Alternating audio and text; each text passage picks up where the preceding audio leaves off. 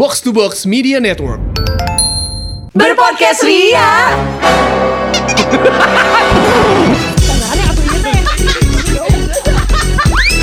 Bersama podcast Ferali Indi dan Eiza. Gue tuh sadar akhirnya kalau Bandung tuh bisa bikin gue senyum effortlessly loh Karena Every time gue keluar tol Paster Itu tuh kayak smiling aja Padahal Bandungnya juga gak ngapa-ngapain ya Emang mau ngapain sih jungkir balik Karena nggak kan? memang kan tagline West Java juga smiling West Java. Nah gitu Jadi harus senyum karena kalau misalnya cemberut itu langsung diusir ya sama Kang Emil. Iya betul tidak masuk ke dalam West Java ya kriterianya kalau lo ya langsung senyum ya. Kalau gue Iya. langsung buka jendela, gue langsung melambaikan tangan. Itu lo cobain itu udaranya beda. Beda ya Beneran beda. Melambaikan tangan, Melambaikan tapi bukan tangan. dalam tanda Menyerah. menyerah. ya. Bukan, karena kan ini lebih ke atas ke bawah seperti mengepakkan sayap ya. Bukan dadah-dadah Miss Universe. Eh, karena menggapakan sayap karena konsepnya kan emang eh, manuk dadali ya. Kalau udah nyampe Bandung tuh ya gitu. Tapi tadi malam, nah kan uh, these days Bandung lagi banyak event banget, Uh, menghasilkan Bandung yang macet. Gue baca di mana-mana sosial Yes, di yes, seluruh yes. True. sosial media tuh bilang kayak Bandung even macet banget. even my mom warns me udah dari empat hari yang lalu jadi nggak ke Bandung jadi jangan bawa kendaraan iya naik naik umum gue bilang itu naik travel iya ntar di Bandungnya juga naik gojek aja gitu gitu Iya iya Tapi iya. tahu iya. nggak tadi malam gue bermacet-macet ria dari salah satu mall yang paling jauhnya dari rumah gue ke rumah gue yang sebetulnya adalah notabene kabupaten lah KBB. ya. Ya betul. kan? Yang sejauh mungkin gue happy loh macet-macetan di Bandung. Oh Tapi naik iya. apa macetnya Weird. Naik kendaraan umum sih. Eh. Jadi gue nggak nggak nggak nyetir atau nggak bawa sendiri tapi gue bermacet-macetan tapi gue kayak kenapa gue seneng ya Oh. maksudnya macetnya roda empat apa roda dua roda dua oh iya itu Oh, happy banget iya, iya, iya, iya, gue iya. melalui jalanan yang memang ada quote kota Bandung tersenyum Asia Afrika. Iya, oh, Bandung tuh dibuat ketika Tuhan, Tuhan sedang Tuhan tersenyum, ya kan? betul. Walaupun di situ banyak hantu kan. hantu beneran cosplay kan Iya benar benar benar. "Wah, mistis tapi kok aku. Ya benar. Gitu. Jadi gue Mungkin kayak- kalau Tuhan tuh tersenyum hihihihi. Kalau.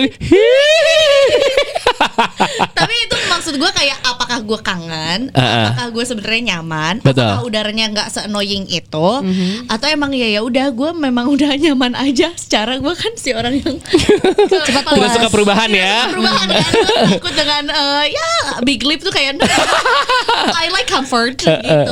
Ya everybody changing but I still the same aja Iya, kan. Gitu. Tapi kalau Bandung comfort zone gue setuju sih karena whenever I came back to Bandung tuh kayak Yes. it's like I'm going home gitu. Betul. Jadi memang modenya tuh mode rest di mana mungkin selama ini kalau misalnya kita lagi di ibu kota, JKT, Atau di kota lain. eh, atau di kota lain, terutama di Jakarta sih karena modenya tuh langsung hustle gitu. Parah, Jadi gue begitu parah. masuk kilometer nol, Yes. begitu langsung MT Haryono, gue kayak oke gue siap tempur, gue langsung gitu Emang. moodnya.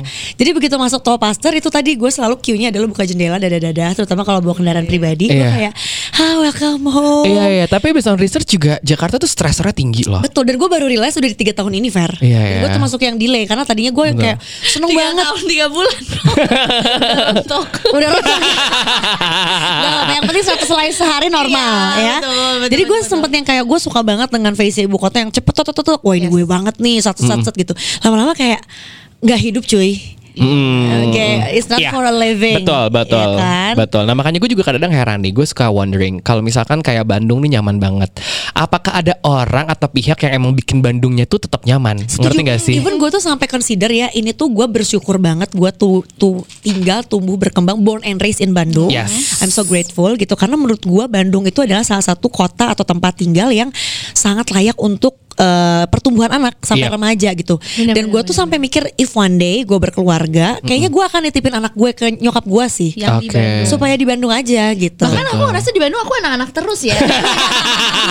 Forever Iya young iya. kan? Makanya kita pengen tahu nih anak-anak di Bandung ini kabarnya seperti apa, Ya ya kan? Gitu. Nah, kita juga pengen make sure bahwa ya semoga anak-anak di Bandung ini tetap safe and sound Betul, ya. Maka dari itu Mak. kita langsung panggil aja kita udah kedatangan ini ada Kak Alwi sebagai program koordinator dari Safe and Sound City. Hai Kak Alwi.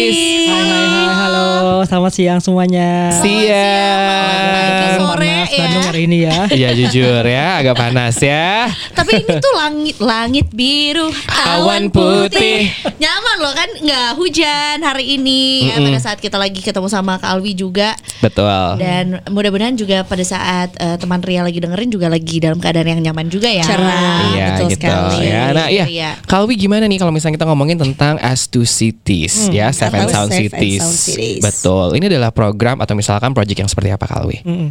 Ya, S2C sendiri inisiatif dari Global uh, Infrastructure Basel Oke. di Swiss ya, GIB kita sebutnya gitu. Hmm. Dan didukung oleh Swiss Philanthropy uh, Foundation juga Hmm. melalui pendanaan dari Foundation Botnar. Oke. Memang uh, program ini sudah jalan selama dua tahun belakangan ya. Oke. Eh, Sejak tahun 2021 eh, di eh, empat kota, eh di dua kota awalnya. Eh, di Kolombia dan juga di Indonesia di Bandung. Eh, Oh, Kolombia tuh jauh di, ya dari Kolombia Iya, ke di. Envigado kan, Uh-uh. di Envigado sana. Terus eh, seiring berjalannya waktu di bulan beberapa bulan yang lalu ada empat lagi tambahan, Mhm. Eh, dua di Filipina dan dua di Ekuador oke. Jadi ada enam pilot ya saat ini. Nah, Bandung termasuk yang nomor dua tuh Oke. yang sudah sejak 2022 Oke. diimplementasi di kota Bandung untuk program yang sama. Kalwi udah ke sana semua, Ekuador. Traveling. Betul. Sayangnya belum. Habis ini ya, habis ini kita ke sana ya. Dan kalau ke sana enaknya sambil tapping podcast Kalwi. Ria lagi. Nah, Kalwi podcast di sana ya. Iya. Angin Swiss kayaknya dingin banget nih. lumayan kepo sih Kak Alwi Nggak gitu ya.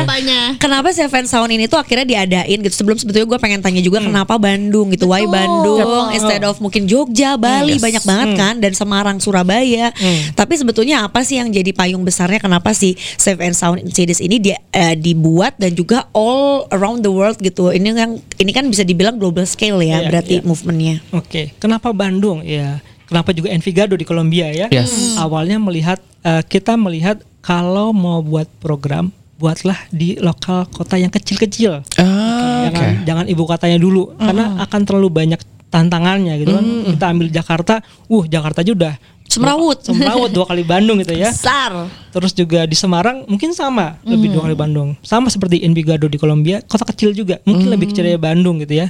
Dan eh, kita lebih tahu tantangannya gitu ya. Apa yang mau kita eh, challenge, apa yang mau kita solusikan sebenarnya. Terus kedua, waktu kita pilih Bandung sebenarnya kita melihat memang sejak dulu Bandung pemudanya bergeraknya cukup eh, masif ya. Oke. Eh, terakhir kalau zaman-zaman saya tuh ada yang namanya hmm, apa tuh ya yang satu bulan itu ada kegiatan event tuh 2015 apa ya belum Oh, yang di sini itu bukan sih? Eh, Hmm. Dago Iya, Dago- yang Dago tuh. Dago Fest. Eh apa sih? Iya Eh, Annual lah itu sempet eh, sempet Kelar Fest. Oke Oh, Nah, oke. ya kan ya. Seluruh Bandung tuh anak muda yang gerakin, Mm-mm. ya kan? Nah, terus kita lihat artis-artis dulu muda-mudanya dari Bandung ya. Iya, Ya banyak banget yang banget udah ya. nasional tuh dari Bandung loh. Nah, nah, kayak kita lihat oh apakah Bandung salah satu valet yang kok cocok nih untuk S2 Cities. Ternyata pas jalan 2 tahun memang cocok. Oh, Ya. oke. Karena satu entitas kepemudanya cukup bergerak. Mhm. Eh, selama ini kita lihat Karang Tarunanya cukup aktif gitu ya di tingkatan eh, baik RW eh, sampai RT. kelurahan bahkan sampai tingkatan kota gitu ya. Bahkan beberapa entitas yang komunitas-komunitas kecil tuh yang sifatnya tematik gitu ya. Kayak buat pariwisata kah, buat lingkungan kah, buat eh, apa tadi eh, seni dan budaya itu aktif semua. Tadi kan disinggung juga tuh di sepanjang Asia Afrika Iya. ada tuh komunitas-komunitas yang buat hantu-hantuan gitu ya. Kayaknya kalau nggak Bandung, daerah lain nggak seperti ini sih. Iya iya, sulit menemukan kayak Iya, gitu lagi iya, ya selain di Bandung. Berarti karena Bandung memang terkenal dengan kreativitasnya, industri Iya. kreatifnya jalan. Dari hasil-hasil SDM-nya juga banyak yang jadi tuh rootsnya dari Bandung gitu kali ya Mas Alwi. Dan hampir semuanya pemuda. Hmm. Betul. Jadi kita adalah yang akan merubah dunia. Iya. From Bandung to the world. Iya, from Bandung karena to the world. bawa 10 pemuda kan, mari kita Akan goncangkan dunia ini ya, kata Nah, Bung Karno. Berarti untuk si S2 Cities atau Safe and Sound Cities ini yang juga diadain di Bandung tuh ap- apa aja gitu bentuk-bentuk programnya. Oke, bentuknya kita kerjasama dengan Pem- Pemkot Bandung ya. Eh, dalam hal ini ada dinas dinas pemuda dan olahraga sebagai eh, mitra utamanya di kota Bandung. Kita bersama dengan Pemkot sudah melakukan beberapa aktivitas seperti eh, bootcamp ataupun apa pemberian training gitu ya kepada beberapa entitas kepemudaan Kota Bandung. Sifatnya seperti project management gitu ya membuat proposal yang nanti bridging kepada beberapa sektor yang akan menjadi mitra mereka. Baik itu private sector akademisi ataupun juga dengan NGO gitu kan yang men- jadi intinya adalah bagaimana kita menciptakan pemuda menjadi leader dan berkolaborasi dengan entitas yang ada gitu. Tidak bisa Wow. lagi kerja sendiri gitu. Ini berarti anak-anak Bandung udah dari sananya eh, drive-nya kenceng gitu ditambah lagi bantuan dari eh, lah iya ya, dari Estusitis banyak lagi. ini gitu makin aja ya Bandung Iya. memimpin nih gitu dengan kreativitasannya. Betul. dan kedua yang ultimate Mhm. itu eh, tentang hackathon Oke. Ya, kita menjaring ide-ide dari anak muda. Oh, menarik. 24 tahun itu untuk sama-sama urun ide dan solusi apa sih yang perlu kita selesaikan di Kota Bandung dari ide mereka dan untuk mereka nantinya diimplementasikannya gitu. Kita mendukung ide-ide solusi itu untuk diimplementasiin oleh setiap entitas anak muda dan di-lead oleh anak muda sendiri gitu sih. Oke, biasanya dari hackathon itu tuh cara ngegathernya gimana? Pakai kompetisi kah atau pakai sayembara atau kayak gimana tuh? Ya betul kompetisi sebenarnya hackathon itu Eh, dari tiap kelompok yang akan mengirimkan proposal tentang challenge yang kita tampilkan gitu ya dari beberapa challenge mereka membuat satu ide eh, gimana ada solusi inovatif untuk setiap challenge-nya gitu. Entah gitu tentang tadi tentang sampah kah, tentang kemacetan tadi. Oh, dari segala aspek ya Iya. sebenarnya ya. Ya, eh, untuk yang di tahun pertama lalu. Oke. Tahun ini punya tema lagi Betul. dong ya, sesuai dengan keresahan yang terjadi ya, atau yang ada di Iya. eh, Bandung ya Betul. scale-nya Eh, berarti eh, eh. ini. Kalau tadi Kak Eli bilang eh, merubah eh kalau berubah tuh su- sulit, kalau kita lebih banyak berubah lebih baik. Oh. Iya, betul. Iya, aku aku siap akan perubahan ini. Kalau yang bisa ya. Betul. untuk mau- membuat perubahan. Oke. Betul. Kalau tahun ini. Apa isu yang diangkatnya? betul sekali. Isu tahun ini kita kan bermitra dengan eh, empat eh, organisasi kemudaan di Kota Bandung. Satu itu adalah eh, Dewan Kerja Cabang Gerakan Pramuka Kota Bandung. Oke. Ma- Yang dimaksud Dewan Kerja Cabang itu adalah teman-teman di tingkatan eh, pandega dan penegak usia 18 sampai 24 tahun biasanya Oh, yang tapi Pak Ferali tepuk pramuka. Prak prak prak prak prak prak prak prak prak prak prak prak prak. Oke. Coba coba. Sandi Morse Ferali F gimana? Tut tut. Ya. Aku aku dengernya Sandi Horse jadi horse kuda. Hi. yang Oke, kedua satu itu kita dari dengan- pramuka. kita yang kedua dan ketiga itu kita dengan Forum OSIS Kota Bandung atau Fotban. Oke. Forum OSIS Kota Bandung. Kamu OSIS juga kan, Fer? Iya. Iya. Aku seksi 10 dulu. Apa tuh? Seksi sekali. Wow.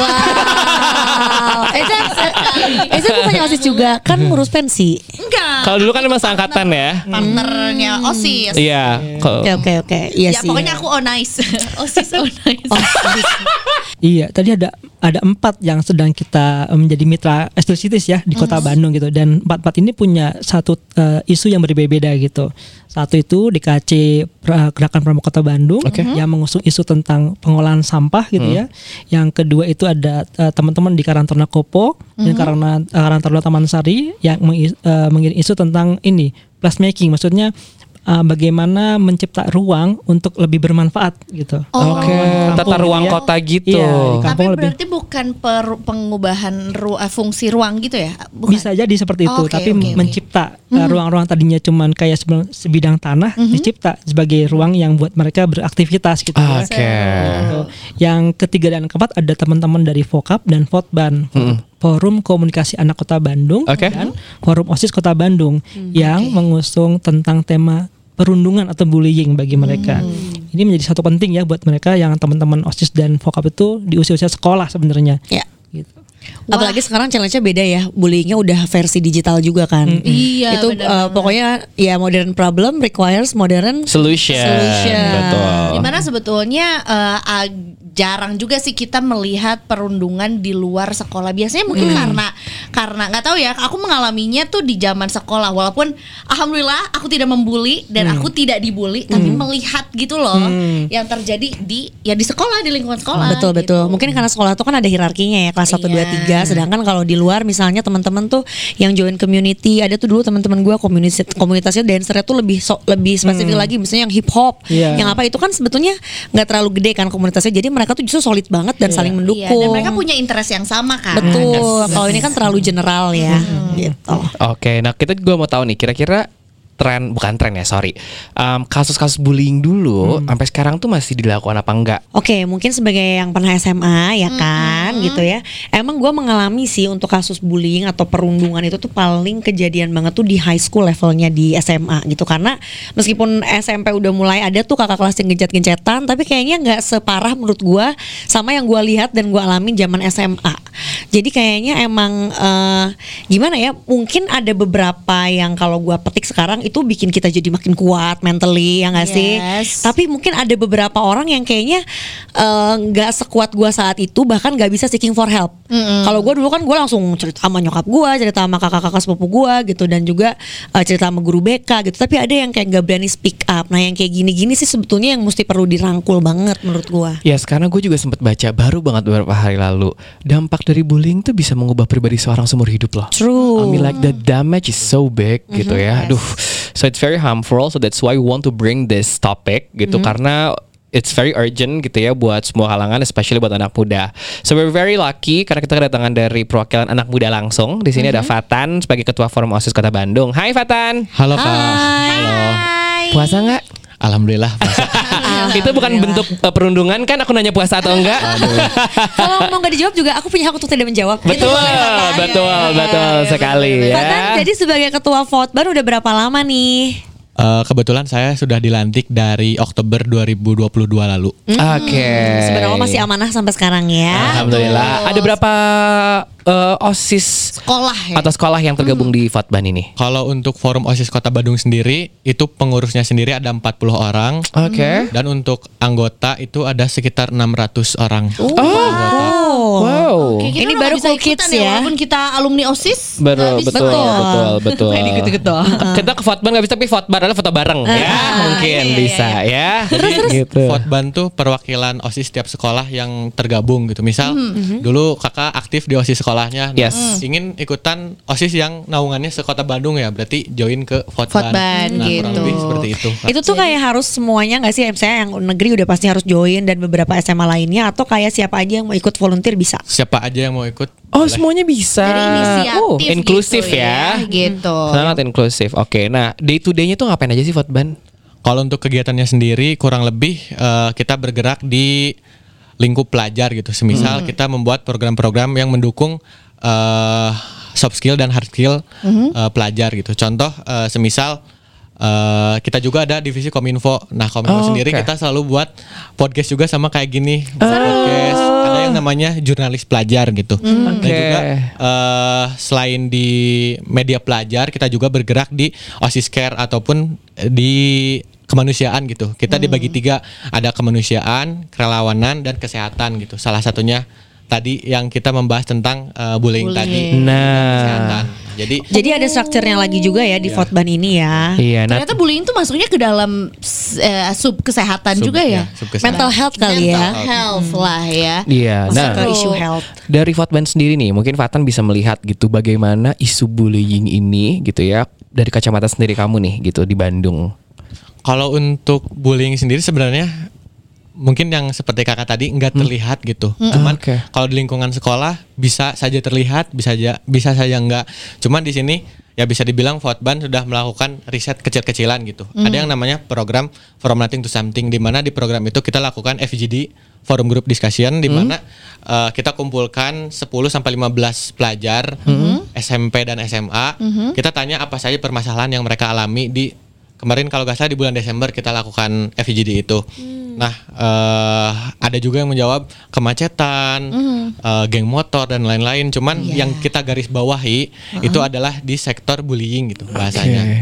Eh, itu kan hal-hal bisa dibilang bullying itu salah satu dosa besar pendidikan di Indonesia. Oh itu God, bisa iya. dibilang eh, bullying itu salah satu faktor di mana seorang pelajar tidak ingin berangkat ke sekolah karena Ya. bullying itu. Iya, Perpeloncoan Ya, ya. perpeloncoan. Betul. Benar benar benar. Gue inget ya satu per tiga waktu kita dilakukan kan di sekolah. betul. Iya, Setuju, iya, iya. betul. Kayak dari jam 6 udah ke sekolah, pulang jam 2 Belum lagi kan mungkin kalau ada rapat OSIS sampai jam 3 Belum yang rapat eh, ekskul ekskul gitu ya. Sumpah iya, it's it's a very hard topic ya. Mesti buat gue juga gitu. Gue tuh tiap udah ngomongin tentang topik bullying tuh apa ya berat hati aja gitu loh ada dengernya. sedikit throwback yang Ada terasa. throwback ya. flashback ya, bukan Gitu. throwback ada sedikit flashback kan Tapi kalau dari Fatan pernah nemuin gak sih case bullying yang sekarang udah pernah ditanggapi sama Fotban gitu Ya. atau mungkin yang gak usah di sekolah lain di sekolahnya Fatan sendiri gitu?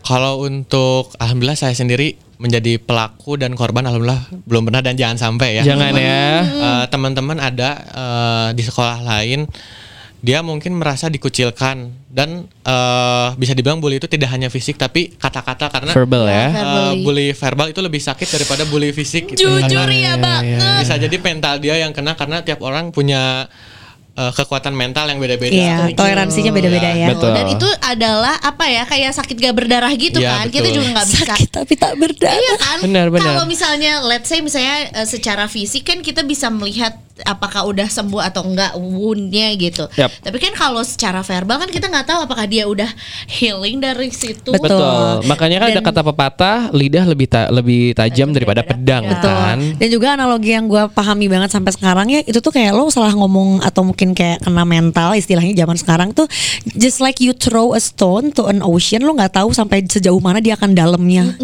Jadi kayak siapa tahu dia kebawa arus sampai ke dalam mungkin siapa tahu itu jadi grudge yang dia hold sampai itu tadi akhirnya nggak bisa berubah kan sampai dewasa Betul gitu. sekali, ya. Terus gimana kamu menangani itu tuh untuk si problem solve-nya? Biasanya apalagi kan yang Ada namanya program nggak sih? Ah, ah, yang namanya perundungan apalagi apa? biasanya dari senior ke junior gitu kan.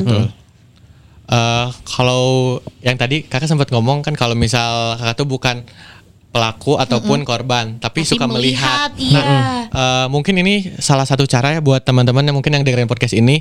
Kalau seandainya teman-teman melihat ada seseorang yang dibully gitu. Nah, teman-teman juga kalau misal hanya melihat pelaku pembulian tersebut, teman-teman termasuk dalam kategori pembuli gitu. Iya, Jadi iya, iya. walaupun kita nggak ikut-ikutan nih Yes. ngebully, eh, nggak ikutan ngejek gitu. Tapi jadi saksi mata, jadi saksi witnessing. itu juga selaku eh, pembuli juga. Oh nah, jadi Kan takut. Jadi Nanti kita- kalau aku ikut-ikut ngelawan, ya, jadi kita eh, caranya mungkin dengan cara melaporkan gitu. oke.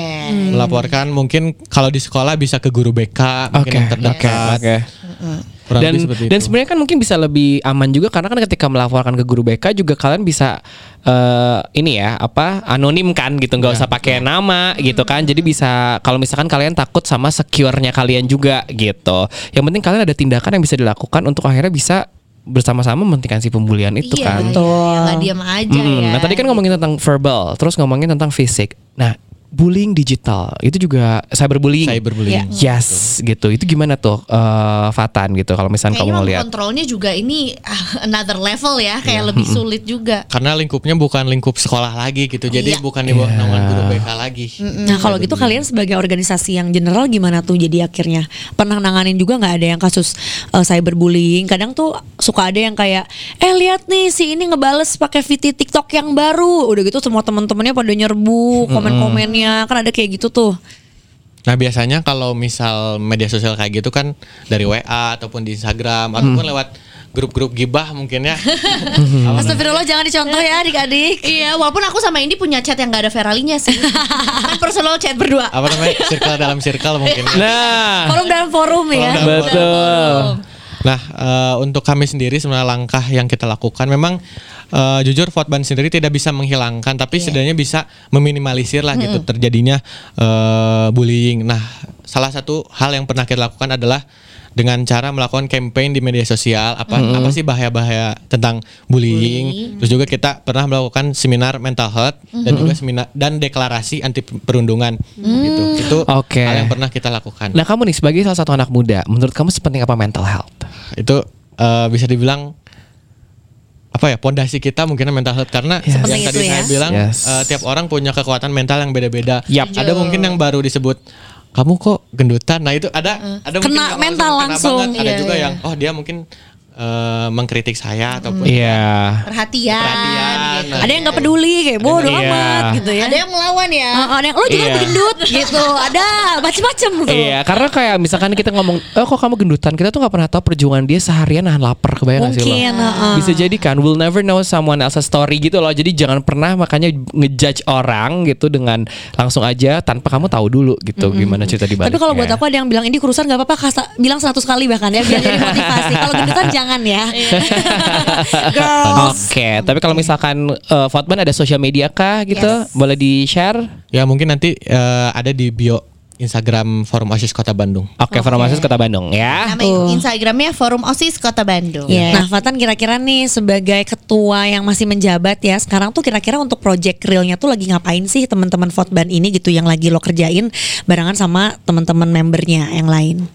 Nah, untuk yang dilakukan Fotban saat ini adalah melakukan eh, survei eh, pembulian gitu atau perundungan di mana kita menyebarkan ke ketua OSIS ketua OSIS yang ada di Kota Bandung agar mereka menyebarkan kembali di OSIS sekolahnya masing-masing agar kita tahu bagaimana permasalahan pelajar ataupun data-data apa aja sih yang bisa kita temuin gitu. Contoh eh, misal kebanyakan mereka korban tuh dapat pembulian di mana sih? Di kelas kah ataupun di koridor ataupun di tempat parkir kah?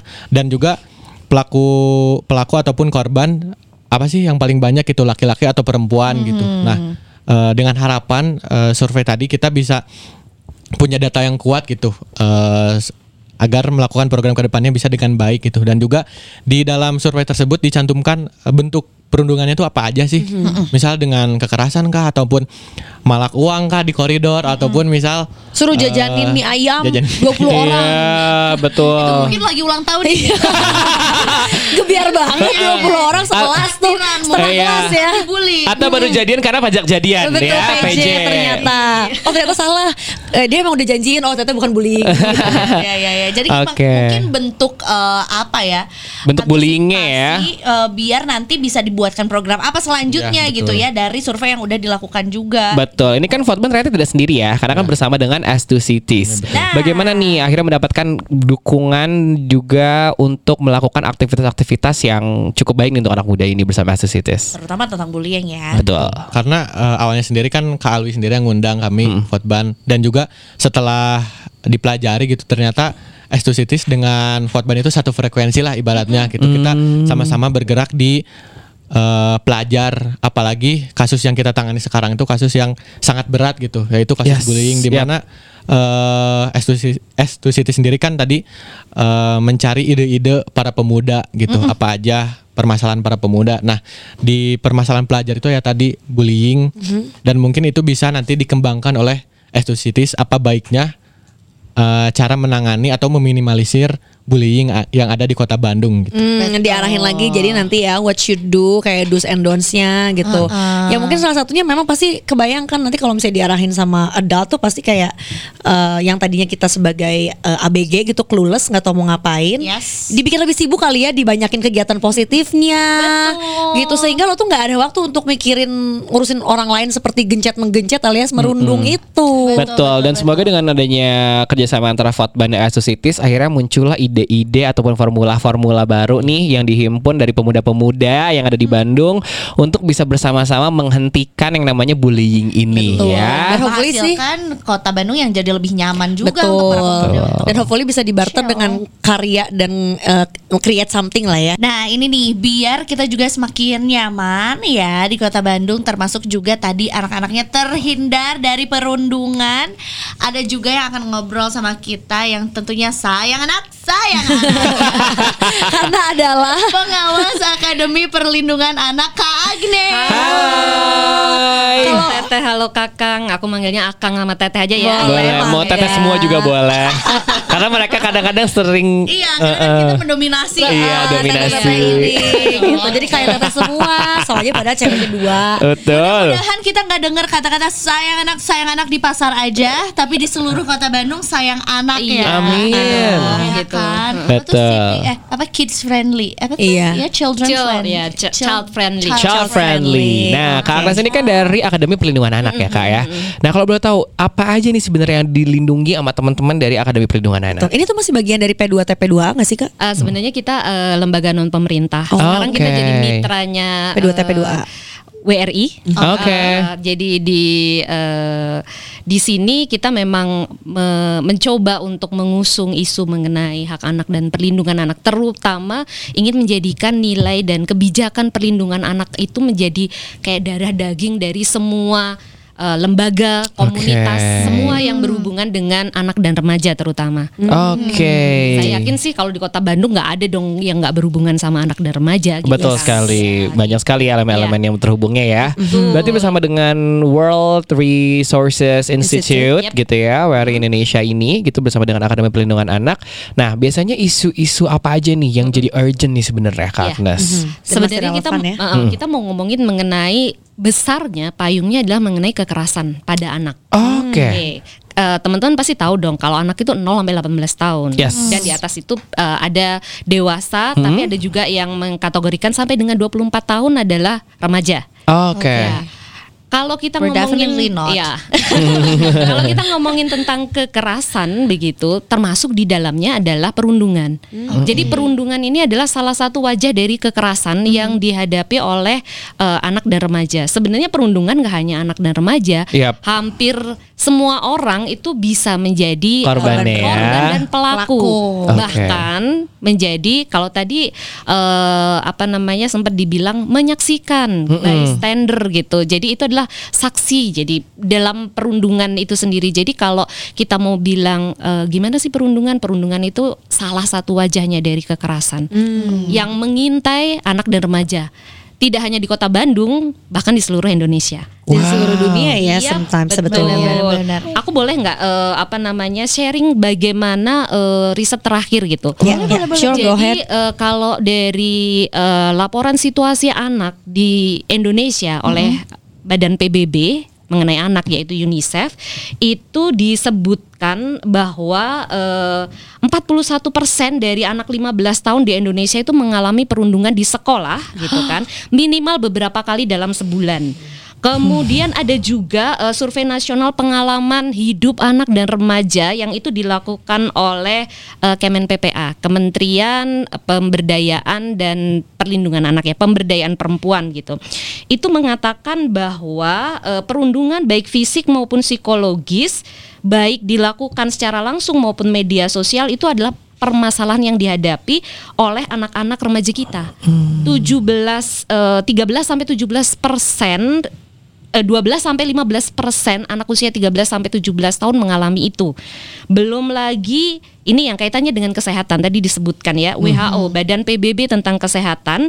Itu dengan survei yang dilakukan secara nasional di Indonesia mengenai kesehatan berbasis sekolah itu mengatakan 20% murid lelaki dan 75% murid perempuan melaporkan pernah dipukul, ditampar Oh atau dengan sengaja dilukai secara fisik oleh guru dalam eh, 12 bulan terakhir.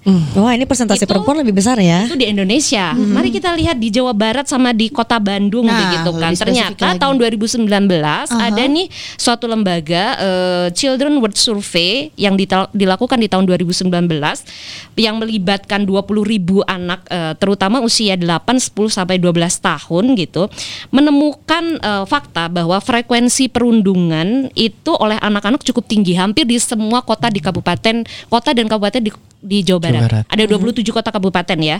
Jadi minimal mereka mengalami tiga kali dalam sebulan jenis perundungan baik fisik maupun psikologis, baik oleh teman di sekolah maupun oleh saudara kandung di rumah. oh my god, yes. Jadi di mana-mana dong, Iya. hanya di Iya. sekolah. Di sekolah nggak gitu. safe, di rumah juga nggak safe. Betul. Tadi kan Betul. cakupannya dan juga um, range umurnya juga ternyata bisa dari mulai anak-anak sampai dewasa juga kena ya sebenarnya Yap, ya betul. gitu Kak Agnes. Nah tapi kalau misalkan bentuk bullyingnya Yep, dari time to time gitu, itu ada perubahan nggak sih? Iya, apalagi sekarang kita tahu udah era digital ya. Yap. Kalau dari eh, kalau kita ngelihat fenomena kita gitu ya sehari-hari gitu. Eh, bentuk-bentuk perundungan seperti yang tadi bilang saya perundungan itu kan wajah kekerasan. Bentuknya macam-macam. Mau di kat- tadi dibilang Ada ada, yang dipelonco, pukul, ada dipukul, ada dipalak, bahkan ada yang dicuekin, nggak dilibatkan. Itu salah satu bentuk-bentuk ya. You are not included itu salah satu bentuk Iya, Bener. ya. You, you cannot sit with us. juga kayak ih sorry lo gak diajak Iya, gitu. iya, iya. Perundungan ternyata. Kayak aku punya grup WhatsApp tanpa kamu. Heeh, kayak wah, padahal bercanda doang tapi Iya. dia bisa nganggapnya itu beneran. Bener. Gitu kan, ah ya. sampai sekarang ini kayak kamu tuh eh, kok aku nggak dimasukin ke second account kamu ngerti gak sih lah itu anak-anak yang sekolah tuh kayak gitu Ya Nah, ampun, pengen kalau- tahu banget tentang aku. nah, kalau kita mau melihat eh, merujuk ya, karena mindset mengenai perundungan dan kekerasan itu jadi penting buat kita supaya kita bisa mengidentifikasi gitu. Nah, jenisnya adalah kalau Kemen PPA itu menyebutkan ada enam. Yang saya pikir ini masih relevan. Kontak fisik langsung, Iya. mau dipukul, dicubit, mau ditampar, Jambak. dijambak gitu kan. itu kayaknya yang paling kelihatan ya, bisa divisum ya, bahkan bisa ada bekasnya gitu. Iya, betul. Terus ada yang kontak verbal langsung, oke dimaki, Iya. dicemooh dicemooh gitu kan. Kemudian eh, biasanya yang sederhananya itu dipanggil dengan nama atau julukan yang tidak menyenangkan. oke Kalau nama Itu orang tua gimana kak? Sering biasanya nama Iya. babe. Heeh. nama-nama orang tua kan sering dipakai tuh buat kan, ejek-ejekan Nah, kalau Itu mau banget dipanggil itu, itu artinya bully. Iya, kalau iya. dia kayak fine with it ya, Ya udah. kayak gitu. Itu itu high school banget sih nama nama orang tua. Intimidasi itu juga termasuk gitu. Nah, peril- yang ketiga adalah perilaku non verbal langsung gitu. Misalnya sinis, kemudian ekspresi muka yang Didelekin, merendahkan gitu, didelekin, iya, ya. mengancam, ngancam tapi nggak kata-kata nih gitu kan. Udah mukanya itu wah Hmm. biasa kadang-kadang senior ke Junior. Juniornya. gitu kan. Yang keempat itu adalah perilaku non verbal tidak langsung yang tadi saya bilang. Kadang-kadang mendiamkan, memanipulasi itu juga termasuk ya. Eh, nah, ini yang lima yang eh, recently gitu, bahkan eh, menjadi apa ya topik tersendiri nih cyberbullying gitu. Jadi bullying yang me- menggunakan sarana media elektronik. Ya, Dan yang terakhir ini juga satu eh, apa namanya topik yang lagi happening gitu kan dua tiga tahun terakhir. Walaupun ini sudah dari zaman bahula gitu kan ya. Sebetulnya. Pelecehan seksual. oh god yes Yes. Dan ada levelnya, even catcalling tuh masuknya ke Yap. sexual harassment Yap, loh. Yes. betul. Nah, ini yang perlu diketahui nih sama teman-teman dan aku sih berharap bahwa teman-teman muda juga tahu nih bahwa perundungan itu tuh memang segala bentuk perilaku yang eh, ditujukan untuk menyakiti orang lain baik oleh individu maupun kelompok. Mhm. Jadi kadang-kadang yang ngerundung gak hanya satu orang nih, banyak orang bahkan kelompok gitu. Dan Yes. itu kan ada eh, apa eh, definisi secara sengaja, kemudian dilakukan terus-menerus dan punya tujuan untuk menyakiti. Hmm. Makanya saya bilang itu salah satu wajah dari kekerasan. Karena kekerasan jauh lebih luas Banyak dari itu. banget ya Termasuk bentuknya. eksploitasi, termasuk eh, neglection dan sebagainya. Itu tuh lebih luas lagi. Tapi perundungan ini nih yang yang apa namanya perlu diperhatikan gitu karena orang ngelihatnya kayaknya perundungan hanya Sepele ah gitu doang. ya kayak gitu-gitu ya ternyata dampaknya luar biasa loh Yes. gitu Yes. kan dampaknya eh, bisa menyebabkan eh, fatal sampai kematian gitu Iya. mempengaruhi ini yang paling umum karena survei juga membuktikan eh, penelitian-penelitian membuktikan bahwa masalah-masalah ini tuh berhubungan sama kesehatan mental Yep.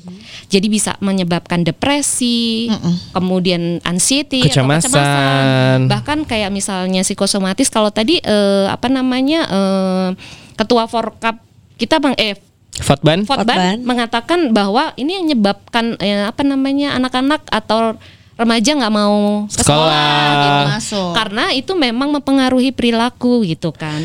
Tapi yang menjadi penting ternyata mempengaruhi kualitas hidup Aduh, dari ya anak dan ampun. remaja. Nah, then what should we do nih Kak Agnes kalau Yep. ini kan kita bisa dibilang lagu lama ya, tapi kita juga artinya nggak boleh berhenti untuk terus mengedukasi karena kan Yep. kita harus kasih tahu lagi ke newer generation, kasih tahu lagi terus-terusan gitu ke generasi penerus kita gitu. Apa sih kita juga terutama nih mungkin buat eh, bukan buat cuma sesama eh, teenagernya aja gitu yang lagi masa pertumbuhan, tapi kita juga as an adult juga bisa took Yep. part deh. Se sebenarnya kalau di level individu gitu, sesimpel yang pertama adalah aware dulu dong mengenai eh, perundungan itu gitu kan. Yang kedua responsif, responsif dalam artian gini, karena eh, beberapa penelitian mengatakan bahwa kenapa sih eh, anak dan remaja nggak mau melaporkan kasus perundungan yang dialaminya? Ternyata karena orang yang dilaporkan itu cenderung tidak menanggapi atau merasa bahwa Yes. ya itu tuh apa Biasa sih aja gitu. Benar, ya, it's not a thing. Sepele deh. Lah itu doang. Iya. Itu yang kedua. Yang ketiga adalah mendorong tindakan melawan anti perundungan. Kalau tadi di dalam perundungan kan ada tiga pihak tuh, ada pelaku, ada korban, ada yang menyaksikan. Nah, yang menyaksikan ini atau bystander, eh, seringnya memang menjadi orang yang pasif, yang nggak mau tahu lah, aku nggak mau ikut-ikutan Iya. gitu kan. Gitu, mau Pura-pura Iya. ngeliat ah gitu daripada gua I'm not involved lah ya kalau ini tuh. Iya, padahal eh, menurut eh, apa namanya kajian dan studi yang sudah dilakukan, mereka itu punya peran penting untuk bisa against terhadap kasus perundungan. Dan korban itu memang eh, kita harapkan bisa eh, melaporkan tapi ini jadi PR lagi nanti yang mungkin harus didiskusikan gimana orang mau melapor kalau sistemnya enggak siap Yes. untuk dilaporin gitu Yes. kan. Dan yang terakhir adalah mendorong pencegahan tadi. Gitu ceritanya. Kalau di tingkat individu ya. gitu. Betul betul betul betul betul. Nah, terus apa nih yang kita eh, sebagai manusia biasa ya bisa lakukan untuk eh, menghambat atau bahkan eh, ya mencegah lah, menghentikan lah Iya. tindak bullying yang juga Betul. sebetulnya bisa kita lihat di mana pun itu. Gitu. Iya, kan kalau misalkan levelnya sekolah kita bisa lapor ke guru BK nih. Iya. Nah, kalau misalkan kita nih udah tidak ada di institusi sekolah gitu ya, betul. Itu kira-kira pelaporannya atau tindakannya tuh ke mana nih? Ya, jadi kalau untuk men- misalnya kita menyebutkan tadi kan mengurangi atau menghambat lah gitu, itu sebenarnya berhubungan dengan sistem pencegahan dan penanganan kasus perundungan begitu. Kalau eh, di sekolah memang sih harusnya ada, tapi memang belum semua sekolah gitu yang begi- cukup responsif. Yap. Eh, di level kota atau komunitas gitu, memang harusnya juga ada. Misalnya ada dong di kota Bandung, misalnya kampung ramah anak gitu kan, atau kelurahan ramah anak. Bandung juga kota ramah anak loh gitu dan memang ada jalur-jalur yang untuk eh, bisa melaporkan tapi yang menjadi eh, penting lagi itu adalah secara kebijakan itu tuh harus diimplementasikan. Kemudian belajar dari pengalaman bagaimana program-program anti bullying dilakukan. Misalnya seperti eh, di Indonesia ada namanya program RUT RUT. RUT ya, itu dilakukan oleh Kemendikbud yang didukung oleh eh, Badan PBB untuk anak gitu. Salah satu hal yang penting yang ingin saya katakan di sini itu adalah bagaimana partisipasi anak ternyata powerful banget untuk bisa mencegah eh, perundungan. Jadi eh, beberapa hal yang mungkin bisa dilakukan, terutama saya menekankan pada anaknya nih, ya, Iya. anak dan remajanya sendiri gitu. Yang pertama, selalu mengkomunikasikan, mendiskusikan dengan orang dewasa, Ngobrol. ngobrol gitu. Yes. Orang tua boleh, ke guru boleh gitu. Kakak Speak up. boleh gitu ya. Speak up dulu mengenai eh, kekerasan yang dilihat dialami gitu. Terus yang kedua adalah saya senang kalau misalnya banyak eh, apa namanya anak dan dan remaja itu tuh berkumpul berkelompok kemudian mereka membuat sesuatu gitu kan mengekspresikan karena ternyata bener loh itu tuh bisa meng- memperkuat mereka untuk berani speak up gitu kan. Jadi memang harus ada nih ruang-ruang kesempatan Ya. berekspresi. Yes. Ya, Harus di-embrace di mana ya. mereka men- didengar lah ya, mereka Iya. merasa didengar lah. Iya. gitu suaranya. Jadi eh S2 City ini juga menurut saya sangat bagus karena memberikan ruang untuk mereka anak anak muda berekspresi, kemudian ikut serta berpartisipasi untuk eh, apa namanya menyelesaikan masalahnya.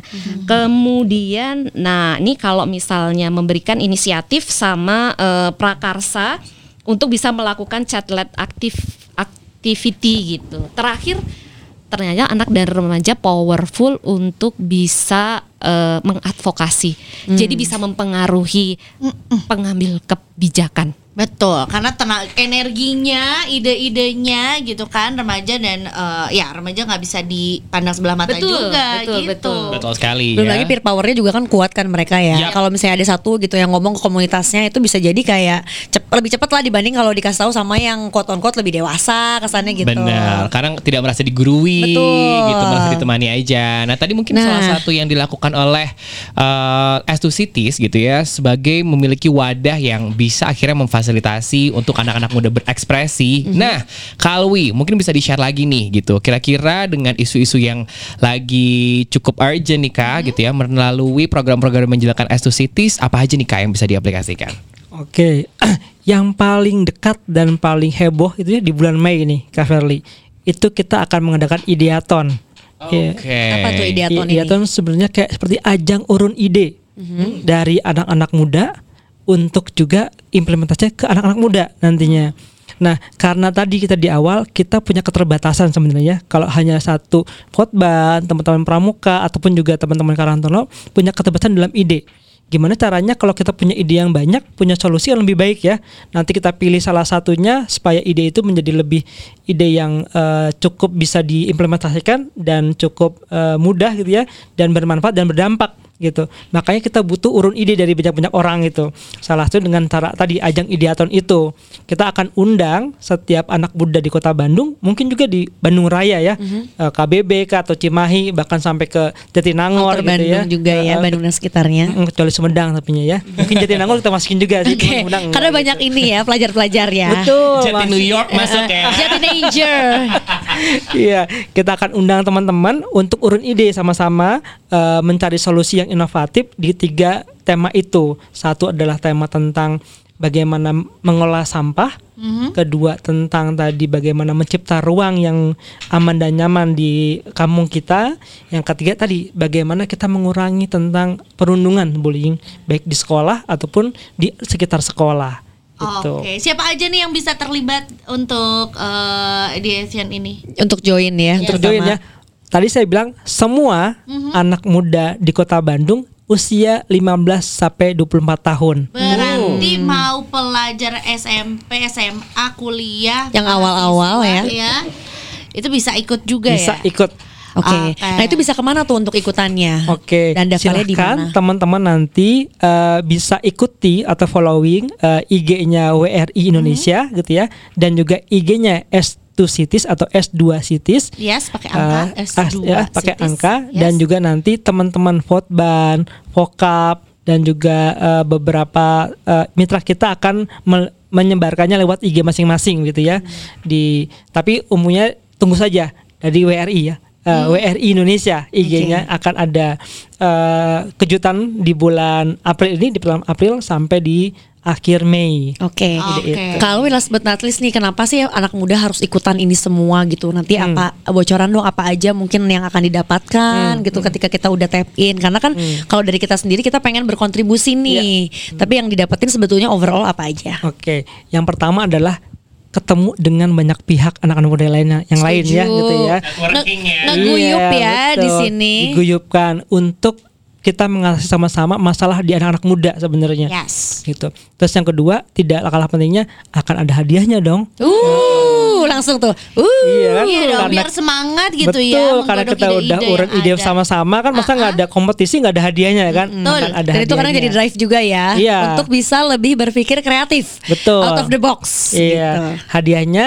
untuk juara 1 sampai 1 2 dan 3, harapan 1 2 dan 3 berapa jumlahnya? Lihat di IG kita sami nanti ya. gitu ya. Oke, makanya follow dulu sekarang. Setidaknya itu lebih dari cuman membeli kuota doang. Tapi ini enak lah, maksudnya kalian bisa be- bekerja sama bersama dengan Associates juga WRI Indonesia untuk mengatasi isu-isu yang ada, tapi juga kalian bisa dapetin hadiahnya. Iya. Gitu ya. Yang Jadi langsung ketiga ikutan. mungkin pengalaman ya. Nah. Pengalaman selain juga bertemu dengan beberapa pihak baik itu nanti pihak eh, pemerintah kota, pihak swasta dan juga akademisi yang akan menjadi mentor-mentor di eh, ideatan tersebut. Gitu ya. Tuh, jadi selain eh, banyak pengalaman ya, jangan lupa kalau misalnya pengalamannya udah banyak ada pengamalan juga. Betul. ya. Dibagikan Gitu. lagi kepada masyarakat. Betul sekali ya.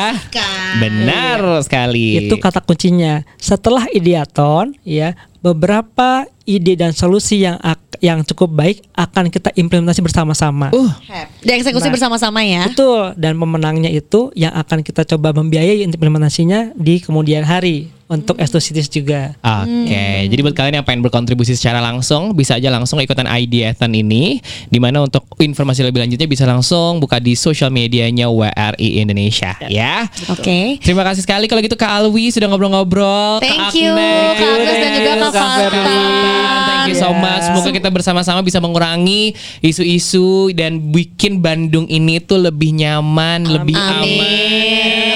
Karena siapa sih yang nggak butuh nyaman? Betul. Karena kalau sudah nyaman dan juga aman, tik- pasti cuan. Tunggu keriaan kita di episode selanjutnya ya. Ya ya ya. ya. Bye.